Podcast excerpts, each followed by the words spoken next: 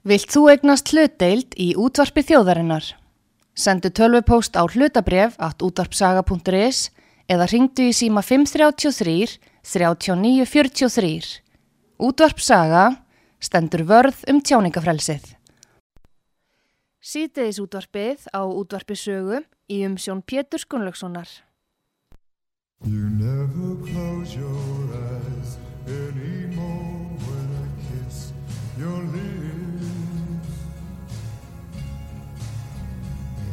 No tenderness like grief before in your fingertips. You're trying hard not to show it, but baby. Baby, I know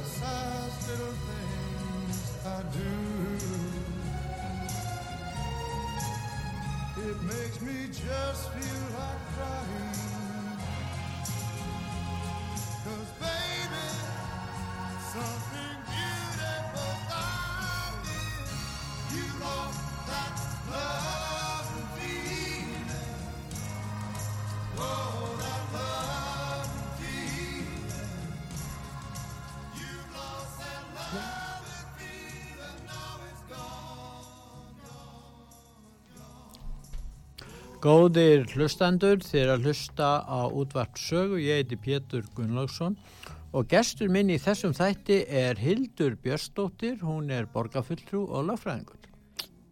Velkomin til okkar. Takkaði fyrir. Mér langar að spyrja þig, þú er gefur kostaðir í, í oddvitasæti hjá sjálfstæðarflokknum.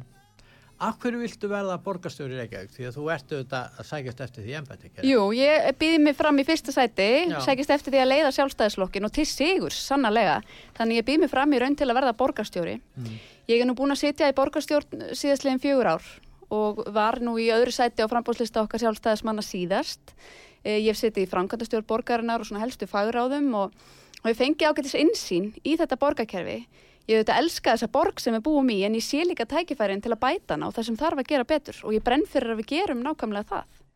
Nú, hérna við byrjum á fjármálum, fjármálum borgarinnar og uh, nú er talað um, um skuldastöðu, hún er mjög slæm skuldastöðan, yfir 400 miljardar skuldum dótturfjörðana.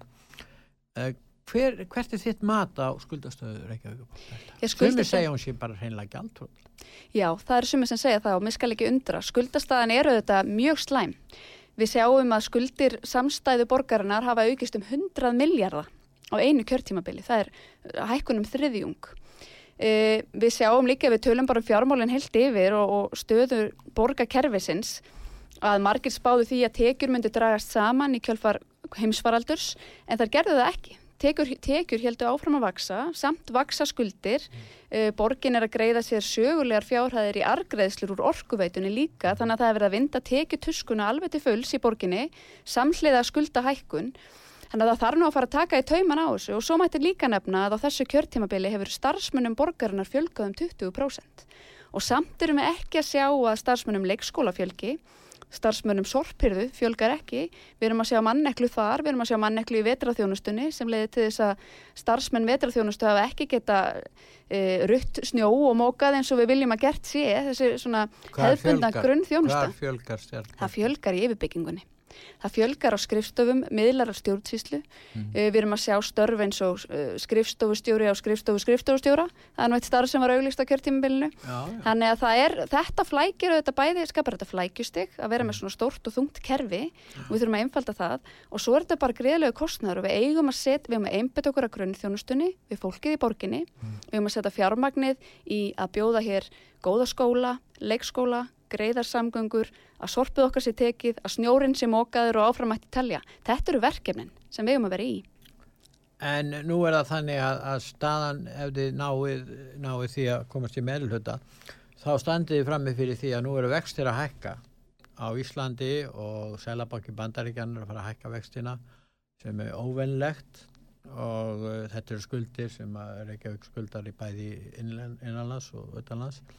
Þe- Þetta verður alveg gífulega miklu erfileikar eins og ég verður að segja við síðasta við, ta, já, við við eitt borgar fulltrú aðan, ég meina við erum að tala um kannski fjóra miljardar bara 1% vext, vakstahæknum því er kannski fjórir miljardar fyrir Já, Borgin. það eru sannlega viðsjárverðir tímar fyrir hvert þann sem tekur við borginni nú í vor. Efnahans ástandi er ekki gott og staðan og rekstri borgarinnar á sama tíma mjög slæm. Þannig að þetta helstu þetta svona óþægilega, fyrir þetta óþægilega saman. Uh, talandum vexti að þá er þetta einn ángi af því að greið, við viljum auðvitað fara í að greið, skipulega niðurgreislu skulda. mm. og það mun skipta máli og við höf, sjálfstæðismenn höfum talað fyrir því að borgin á fyrirtæki, stort fyrirtæki í samkemnisrekstri sem að heitir í dag ljósleðurinn, hétt áður gagnaveitan og við erum á þeirri skoðun að þið ofinbera eigi ekki standa í samkemnisrekstri, það eru bara félag og fyrirtæki á markaðnum sem eiga að sjá um það og það mætti selja þetta félag og það má en svona það er bara einu sinni skilur. Það er bara einu sinni. já, þú, Já, það er einu sinni, en þetta er gríðarlega verðmætt eign og það má ætla að um, söluvirði hennar væri 70 miljardar, jafnvel meira, þannig að það mætti taka, já þá bæði 70 losnum við, milljarða? já, þá bæði losnum við skuldir ljósleðarans úr þessum samstæðureikningi, e, við fáum verðmæti ljósleðarans, getum notað það til að greiða niður skuldir að hluta og lækka þá, minga þá þetta vaksta kostnað sveitafélagsins og svo myndi ég líka vilja nota hl- hluta af söluandverðinu í innviðafjárfestingar því innviður borgarinnar hefur ekki verið synd og við sjáum það ekki síst á skólahúsnaði sem er viðan borga grotna niður og mikla og börnur jafnvel á vergangi og skólastarfi uppnámi. Og þetta er eitthvað sem þarf að ráðast í og laga. Nú, uh, það er, þegar við förum út í samgöngumálin, nú þá er það borgarlínan, Mm fyrsta lagi. Nú því hefur haldið fram að þú væri hlind því að, uh, að þetta, þessu hérna samgöngu áalluna kerfi að leiða þessa borgarlínu og þetta er mjög umdelt innan sjálfstæðisflóksins en ekki kannski hjá einsum öðrum. Hver er þín aðstæði? Sérstaklega, þú ert búin að benda á það að staða fjár skuldastaða borgarinnar er mjög slæm og, og óvinnislæm og verður þetta ekki bara til að auka skuldabyrði borgarinnar að fara út í borgarinu Sko mér finnst stundum þegar fólk talar um borgarlínu að verið sé að tala um epli og appelsínur. E, árið 2019 þá var undirritaður svo kallaður samgöngu sáttmáli fyrir höfuborgarsvæðið og hann hljóða kveður á um 120 miljardar fjárfestingu í fjölbreyttum samgöngum á svæðinu. Og ég hef sagt um þetta að þetta sé bylting og loksins komi eitthvað fjármagn frá ríkinu í að uh, efla hér samgöngur á okkar svæði. Það er ekki verið að vera að tala um sundabraut Sundabraut er ekki inn í þessu og ég hins vegar stið Sundabraut, ég vil sjá hana strax og ég vil sjá hana í engaframkvæmt og vegna þess að hún varður sennilega engaframkvæmt þá er hún ekki inn í þessum sáttmála sérstaklega. En þessar 120 miljardar sem við tölum um, þar fara um 60 miljardar í stoppveðaframkvæmdir og ljósastýringar, 10 miljardar í gungu hjólastiga, þetta er svona grófartölur hjá mér og tæplega 50 miljardar í borgarlínu. Og ég segi bara hver með réttur á því myndi hafna þessu fjármagni frá ríkinu í að efla hér almenningssamgöngur. Ég hins vegar stiði ekki borgarlínu Dagsby Eggertssonar. Það ger ég ekki. Nó, Hann, nei, það sem að dagur hefur au- auðvitað upprunalega vildi dagur að þetta er þið lest og þess vegna er svo miskilingu þarna úti að borgarlína sé lest. En sem betur fyrir var tekið í taumana og nú hefur verið ákveðið að borgarlína verði bara strætisvagnakerfi, strætó með varalitt eins og ég hef viljað segja. Já. Þetta eru bara mm, strætisvagnar sem að ferðast um á En forgangsakreinum. vilt þú fá lest? Ég vil ekki lest, nei. Nei. Það myndi vera slikt fjár austur og við hefðum auðvitað sannlega ekki efni á því. Ég vil bara þetta betra strætisvagnakerfi sem við tölum um, þar sem eru tíðari ferðir, betri vagnar og beðskilin eru betri, þau eru skjólgóð og við getum staðið í þeim frá, veð- í skjóli frá veðri og vindum. En hefur þú trú á því? Nú er, nú er það hvað 4% sem að nota almenningssamgöngu, 4 kannski 6%, 4 til 6 í mesta lagi. Hefur þú trú á því að þetta hafi nokkra breytingi fyrir með sér? Munu ekki Íslendingar vera á bílum áfram og sumir segja að þessi, þessi, sam, þessi, þessi samgöngu áallum borgarlínan sé bara gamaldags hugmynd í raun og veru. Við erum að býða eftir sjálfvirkum bílum og þá munu þessi leið sem að verða að fara, hún sé bara úreld. Það er eitt mjög aðteklisvert í þessu að því ég var að tala um samgöngu sáttmálan áðan. Mm. Í honum er sérstaklega tekið fram að eitt fararmáti eigi ekki að vega af öðrum. Og þess vegna segi ég, ég stið þennan sáttmála en ég stið ekki útfærslu dags. Það sem dagur vil gera er að taka borgarlínu og láta hana vega að öðrum samgöngukostum. Og það er besta dæmið Suðurlandsbraut. Hann kynnti sínar útfærslur á borgarlínu með fram Suðurlandsbraut eða um Suðurlandsbraut Já. nýlaga. Og þar Og er á að byggja líka Já, blokkir. og þar vill hann taka tvær akreinar af almennir umferð og leggja undir borgarlínu. Mm. Og ég spurði nú þegar þetta var kynnt, eh, hefur þetta verið metið, hvaða áhrif hefur þetta á umferðina, hvert mun umferðin streyma, fyrir hún ekki bara inn í lögadalinn og svo framvegis og það voru engin svör, þetta hafði ekkert ekkert verið skoðað. Og það má alveg fara í að ebla hér almenningssamgöngur með metnaði fullum hætti án þess að vega að öðrum kostum, alveg svo samgöngusáttbólinn segir. Og þess vegna stiði ég hann en dagur hefur viljað fara með þetta allt saman skrefinu lengra og varpa svona svolítið sprengju inn í viðkvæma umræðu um borgarlínu því hún er umdelt, það er rétt og meira hlutunum í Reykjavík hefur algjörlega mistekist að skapa sátt um þetta verkefni og það er það sem við þurfum að ná að gera. En er ekki flokkurinn eh, sundraður í þessu verkefni? Það er með ólíkar áherslur í þessu verkefni. Eins og ég segi, mér finnst fólk tala um epli og Getur þú appelsínur. samin að flokkin um stefni í borgarlínu? Ég tel mig geta það, já. En Eh, ekki að menn er á móti borgarlínu? Nú, nú skulum við hans fara tilbaka. Ég talaði aftur um samgöngusáttmálan áður, þess, áðan, þar sem að borgarlína er meðal annars hluti af honum. Eh, Þessi sáttmál er undirritaður af Bjarnar Benditsenni, formanni flokksins. já. Hann er samþyktur af þingflokki sjálfstæðisflokksins með Já, öllum greitum atkvæðum í að þeir þinginu. hafi samþýtt að það var ekkert víst að, að borgarfulltrúar að reykvíski sjálfstæðismenn séu eitthvað hrifnir á því. Nei. Hann er jú garðabæjaman. A- Allir, allir hérna sveitastjórar okkar á höfuborgarsvæðinu samþyktu líka þennan sáttmála en það sem að fólk er, hefur af að vera útfærsluður dags og þær er ekki samræmi við þennan sáttmála. Þannig að það sem ég vil að við gerum er að við tökum út úr höndunum á degi sem vil fara með mi í miklum auðgum inn í þetta verkefni og taka það til okkar og við gerum þetta að hagkvæmni og skilvirkni og við eflum hér almenni samgöngur með metnaðfullum hætti en engar öfgar og ekkert rugg og ekkert En- bröðl. En, en sko, nú er þetta meiri hluti að tala um að gefa út eh, græn skuldabrjöf. Mhm. Meðal annars til að fjármagna hluta þessu borgarlínu dæmi. Og mér langar að spyrja þig, veistu eitthvað um þessi grænu skuldabrjöf? Hvað eru búið að gefa út mörg mikið af skuldabrjöfum? Hvað eru vextir á þessu? Vextir fara hækkandi, eins og við tölum um áðan. Og, og eh, hvað afstöðu takir til því til þessara grænu skuldabrjöfa? Ég meina þetta er bara að vera að sapna skuldum. Já, borgin er sannlega að sapna skuldum, en græn skuldabref eru nú, ef við tölum um skuldir, þá eru það nú svona góðu skuldirnar, sko. Nú, það eru, eru hverju? skuldabref sem eru á hagstæðum kjörum. Nei, Og- þeir það- vextir það- hafa hækkað á Já, grænu samanburði við- og eru að hækka. Í samanburði við aðrar skuldir. Eh, það mætti nota þessi grænu skuldabref að ykkur leiti ef að kjörin halda áfram að vera hagstæð. Við þurfum að að að Vegna það þess, að, að, vegna þess að það er eftirspurn eftir því að, að fjárfesta í Það grænum, taka þátt í fjárfestingu, græna fjárfestinga. Já, vegna þess að það er grænt að þá er svona tilfinningarlega afstæð að menn eru reyðubúnir að Já, það er, það er svolítið tíðarandin í dag. Það er svolítið svo leiðis. Fólk er spennt fyrir grænum fjárfestingum og grænum áherslum og þess vegna eru þessi skuldabref hagstæðari en önnur og hafa verið það hinga til. En við þurfum auðvitað að fylgjast með hvernig þróunan á því verður. En græn skuldabref má líka nota til að endur fjármagna óhagstæðari lán sem borgin á, hefur nú þegar. Já, veistu hvað búið er að gefa út mikið af brjöfum? Ég er ekki með töluna á, á reynu en, en það væri áhugavert að kanna það bara eftir þetta viðtal.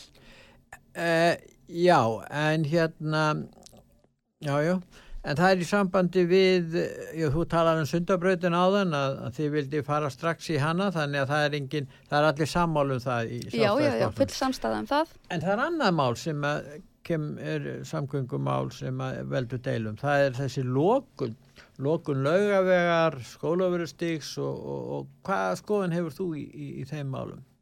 Uh, lokun laugavegar, uh, þessa kapla á laugavegi sem er held ég um það á að loka að, fram að alveg að snorabrautinu. Já, ég er nú ekki lind því. Mér finnst það nú fullant gengið. Og mér finnst reyndar þessi lokun á þessum 300 metra kapla á laugavegi hafa tekið svolítið um, fókusin af stóra málinu sem að uh, miðborgin stendur frammi fyrir. Það er rosalega stórar og miklar áskoranir sem miðborgin stendur frammi fyrir á næstum árum uh, og það snýr sen aðlega tvennu. Annars vegar er miðborgin að glíma við mikið auðu vestlunarými.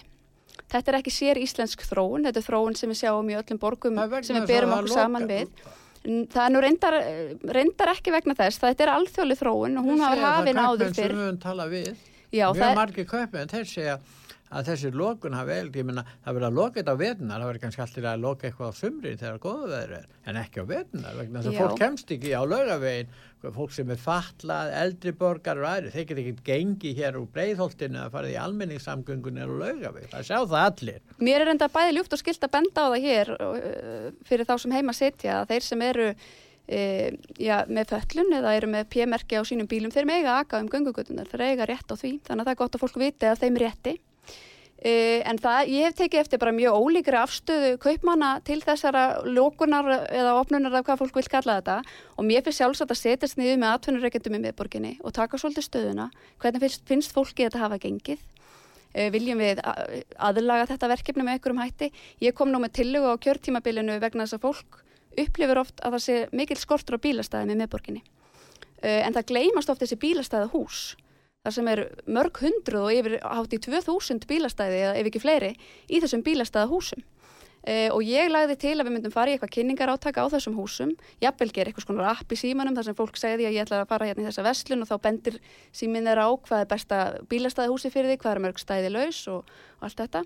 Það var nú ekki vilji fyrir því hjá meira hlutanum en það þarf að gera Það þarf að hjálpa fólki að upplifa miðborgina aðgengilega og að því ég var að nefna áðan að borgin staði frammi fyrir tveimur áskorunum og þá ætlum ég að fá að fjalla eins um það að það er annars verð þetta að við erum öll þessi auðu vestlunarými og þessi þróun hefur blasað við okkur lengi. Samt sem áður seti borgin kröfur á húsbyggjendur og verktaka um að byggja vestlunarými á neðstuhæðum. Þannig að á meðan að laugavegurinn er að glíma við þessa alþjóðlegu þróun í vestlun, að vestlun er á einhverju leita að fara á internetið, að þá er verið að fjölga rýmum. Þannig að fyrir sjáanlega vorum við alltaf að fara að standa frammi fyrir þessum auðu rýmum. Þannig að það mun komið hlut okkar borgaryfirvalda ykkur leiti að vinna með fastegnaegjandum og enga framtakinu að því að endurhugsa hvernig getum við notað þessi rými, hvernig getum við glætt meðborgina meira lífi. Uh, önnur áskorun í sam, í sem er svipuð er svo að landsbankin er nú að flytja uh, höfustöða sínar í nýtt húsnæði. Við þann flutning munu þúsundur skrifstofufermetra standa auðir í meðborginni. Við erum líka að sjá að ofinbæra stofnanir er að færa sig um miðborginni eins og tollurinn og, og nú er verið að ræða að hér að stómur muni jafnvel flytja.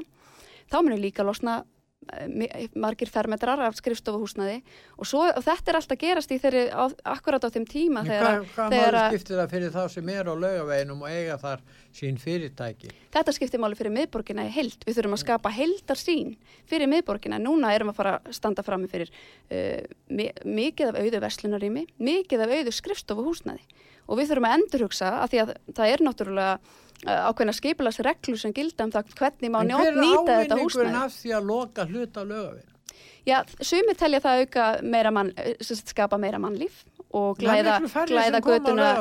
Já, ég er nú á laugaveginum á hverjum einsta degi. Mér finnst nú bara líf og, og mikið fjör og mér finnst að við hefum ekki að tala laugavegin niður, við höfum að tala miðborgin okkar Það er ekki upp. að tala niður, það er bara þeir sem hafa rekið þetta áratugaskeið, þurft að yfirgefa svæðið og fastegnir þeir hafa lækkað í verði, þeir, þeir, þeir, það er raun og veru, hefur leitt til þess að, þeir hafa þurft að hætta sinni starfsemi. Þar til dæmis eru kaupin sem er með eh, verslanir við annar staðar og, og þar hefur veldan fyrst og fremst minkað og lækkað á laugaveginum versluninni þar, en ekki annar staðar. Ég meina þetta er eiginlega allir sammála mér finnst allir sem tala við okkur halda þessu fram.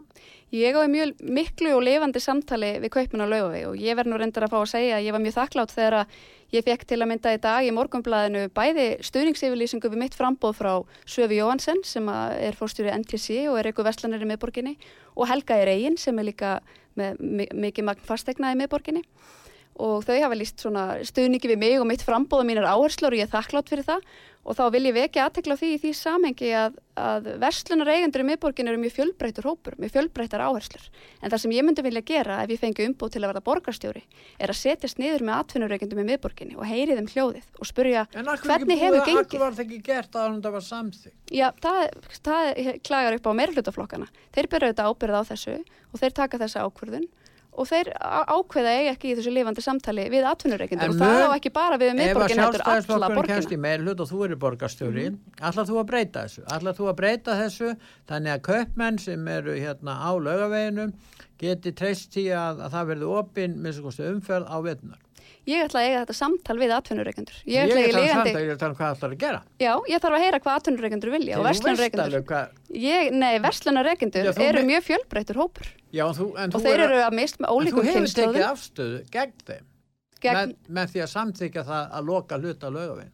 Já, ég samþykti það. Uh, þetta mál kom reyndar, til afgreðslu mjög oft á kjörtímabilinu og undir lokin var ég farin að sitja hjá við þetta mál því mér þótti þetta taka of mikinn tíma af kjörtímabilinu. Mér fannst við ekki vera að horfa á stóru myndina sem var það í miðborginu og allar þessar stóru áskoranir sem miðborgin stendur frammi fyrir. En ég á í lifandi samtali við fjölbreytan hóp verslunareigenda í miðborginni, bæði verslunareigendur, veitingamenn og kráareigendur og þar eru bara mjög fjölbreytar áherslur. Og það sem ég myndi vilja gera ef ég er þið borgarstjóri var að fá allt þetta fólk að borðinu og heyra þessi ólíku sjónamið og kanna hvernig við getum unni saman. Ef við förum í skipulasmálinn, það er flugvöllurinn. Uh, vilt þú að flugvöllurinn verði áfram í Vassminni? Já, það er landsfundarálutun okkar sjálfstæðismanna, flugvöllurinn verði áfram þú í þeirri Ég sammála því að flugvöllurinn verði áfram í Vassmýri. Hvað finnst þér um það nú er byggkomin finnst. það nálagt flugvöllurinn? Er ekki flugvöllurinn að verða ónóttæfur? Já, það eru nákvæmna reglur sem gilda um hæðir húsa og annað til þess að gæta því að flugstar sem geti áfram verið þarna og er nú að byggja í skerjafyririnum, það er land, eh, að auka við það og, og það, er- það er, þeim ymsir flugáha menn hafa áhyggjur af því. Já, það hafa margir áhugjur á því. Það sem ég hef sagt, ég hef til að mynda hitt þá sem að vinna að staðarvali fyrir nýjan flugvöll. Að því ég hef sagt, það er allt í mín vegna að leita þessum, að, að, þessum aðra, að, að öðrum stað fyrir flugvöllin vegna þess að sjálfstæðismenn segja hann verður áfram í Vassmýri það til annar betri að já, góður staður finnst. Það má alveg leita þessum stað mín vegna. Uh, nú hefur kvassarhaun verið til skoðunar og það sá staður eru nú örgla í svo litlu uppnámi eftir eldsumbrotinn en þeir sem standa að þessu staðarvali segja mér að það tekur 20 ár að flytja flugvöllin. Það tekur 20 ára að færa hann eitthvað annað. Þannig að e, jafnvel þó að staðurinn fyndist þá er þetta framtíðaverkefni og þetta er ekki verkefni sem kæmi til kasta næsta kjörtímabils. Þannig að þú ert ekki sammála borgarstjórunum. Ég held að borgarstjóri fengi ykkur ráði það myndi hann mæta í Vassmýrin á morgun og, og bara skella í, í lás og slá. Já. Og ég er nú ekki á því og ég vil við líka við tölum við, þetta eru að því ég er svo, við leiði þessu lifandi samtali við atvinnureikendur. Það eru auðvitað atvinnurekstur og ákveðna samgöngu sem eiga sér stað þarna á svæðinu og, og flugmenn og kennsla og annað sem á sér stað þarna á svæðinu og fólk upplifir að það með ekki byggja upp sína starfsemi eða haldinni við vegna þess að það sé svona verið að þrengja þeirra atvinnurekstri. Þannig að þarna þarf á meðan að ekki er búið að finna nýjan stað fyrir flugvöllin og meðan þessi atvinnustar sem er ennþá þarna og þarf hann auðvitað að fá að þrýfast. En segðu mér, nú er það þannig að værið þú reyðubúinn, nú fær engin meiri hluta, engin flokkur. Þarna verða nýju flokkar í frambúði Mm og þú ert raunsæmanniska, þú veist að sjálfstæðisflokkin er ekki að fá meiri hluta og samfélkingin alls ekki að fá meiri hluta. Þannig að uh, það verður engin eitt flokkur, en þá verður það að vinna með öðrum. En getur þú, hugsa er, ertu reyðubúin að vinna með Degi Bjækirsinni, borgarstjóra núverandi, í meiri hluta samstæfi? Í grunninn segi ég, ég geng óbundin til kostninga. Mér finnst mikilvægt að við sjáum hvað kemur upp úr kjörkassunum og við myndum meiri hluta eftir því. Uh, ég legg mikla áherslu á að það sé sjálfstæðislokkurinn sem leiðist líkar meiri hluta viðræður og sem meira. leiði nýjan meiri hluta. Uh, ég skinja mikið og skýrt ákall á breytingar í borginni og það væri mjög erfitt að innlega breytingar í borginni í samstarfi við samfélkinguna. Svo ég hafi ekki um það fleiri orð. Já, það er svo að það kæmi til greina að vinna með samfélkingu. Það væri mm, síðasti kostur.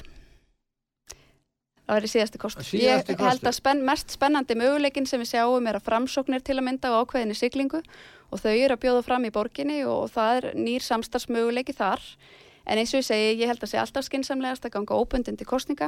Ég vil sjá breytingar í borginni, ég vil að við leysum samgönguvandan, húsnæðisvandan, leikskólavandan, við treystum fjárhægin og það er erfitt og jafnvel óhugsandi að gera það í slagtói með samfélkingunni.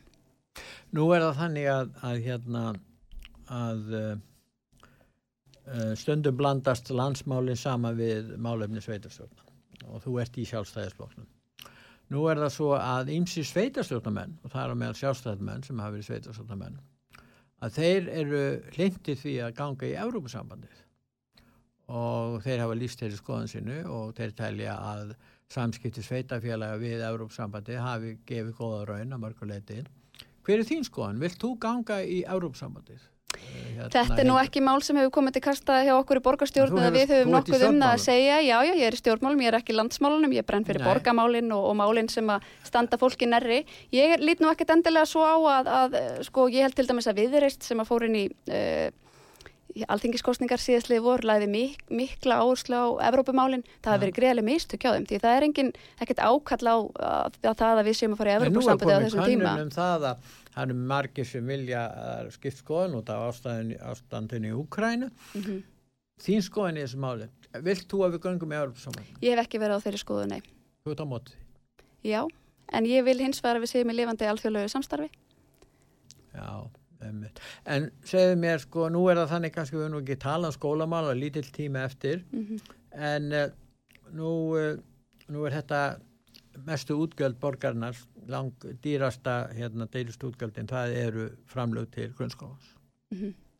Nú hefur nú kannski of flókið mál að kalla það sérstaklega, en, en það er núna reikin stefna sem heitir skóli án aðgreiningar og merkir hafa svona talið að það sé svona já, getur staðið vegi fyrir betri árangur í skólastarfi. Finnst þér að, að þessi eh, framlög hafi skilað sér nægilega vel vegna þess að við erum sennilega með dýrasta grunnskóla í Evrópa, mér sagt, en þú kannski þekkir það betur. Já, við erum svo OECD þjóð sem ver mestu fjármagni í hvert grunnskólanema. Já, Samt erum við að skila hvað lögustum niðurstöðum. Við mælumst verst allra Norðurlanda þjóða í öllum mældum námskrænum. Hvað getur nýr meiri hluti, borga meiri hluti gert í þessu? Við þurfum greinilega að skerpa fókusin á skólamálin og ég hef talað fyrir því, ég er hrifin að því að við setjum okkur stundum líka langtíma markmið og ég nefni stundum sem dæmi þegar Kristín Ingolstóttir var rektor í Háskóla Íslands þá sagði hún, ég vil að Háskóla Íslands verði einn af hundrað bestu háskólum í heimi og það þekkja flestir þetta markmið og við vissum öll að það veri langsótt, þetta veri langtíma verkefni en við erum alltaf að saxa á listan og við erum alltaf að komast ofar og ég hef sagt, ég myndi vilja að við segðum ára 2040 verða grunnskólanir í Reykjavík og hér á Íslandi meðal tíu fremstu innan OECD. Setjum okkur bara háleit markmið og vinnum svo í átt að þeim.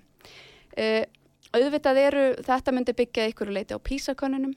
Þær eru auðvitað ekki fullkomin mæli hverði, þar mæla svona ákveðna hluti eins og starffræði kunnóttu og læsi og annað. Þar eru reyndar núna að fara að mæla nýja hluti eins og skapandi hugsun. Það verður svolítið frólægt að sjá hvernig það verður gert. Já, það verður hægt að mæla það. Já, ég skil ekki alveg hvernig þau ætla að mæla það en þau ætla að reyna það.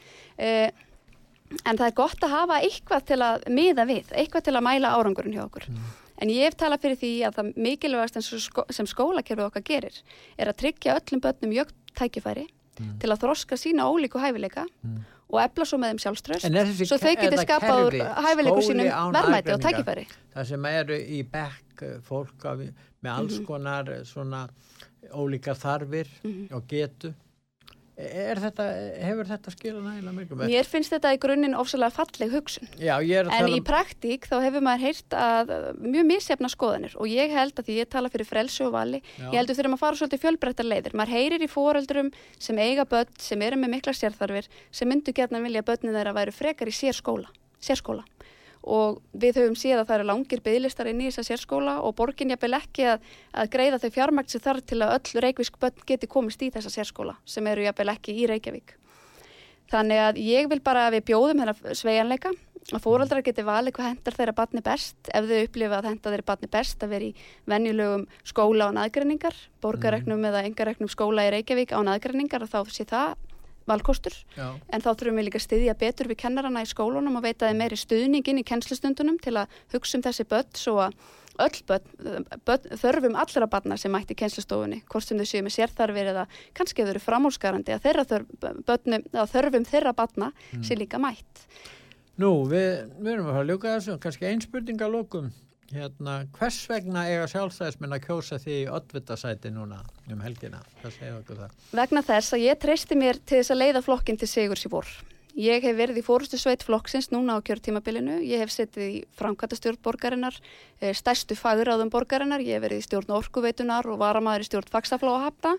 Ég hef svona svolítið viðtekka sín á borgina og gangverk borgarinnar og tel mig vita hverju við þurfum að breyta. Eh, Ég er lögfræðingur og stjórnmálafræðingur að ment. Ég hef reynslu af því að starfa við lögmennsku hérlendis og erlendis í London. Ég þryggja barna móðir. Ég hef svona ákveðna lífsreynslu þó ég segja auðvitað ungað aldrei. Eh, Ég tel mig ekki bara að geta leitt samstiltan og fjölbreytan hóp sjálfstæðismanna til sigurs í vor, heldur tel ég mig hafa það sem hefur vantað síðustu kjörtímabil, að hafa það sem þarf til að mynda meiri hluta með öðrum flokkum og það skiptir gríðarlega miklu máli ef við ætlum að komast til áhrifa í Reykjavík í vor. Þakka ég fyrir að koma til okkar, Hildur. Takk fyrir mig. Og ég þakka hlustendum út var sögu fyrir að hlusta. Verðið sæl.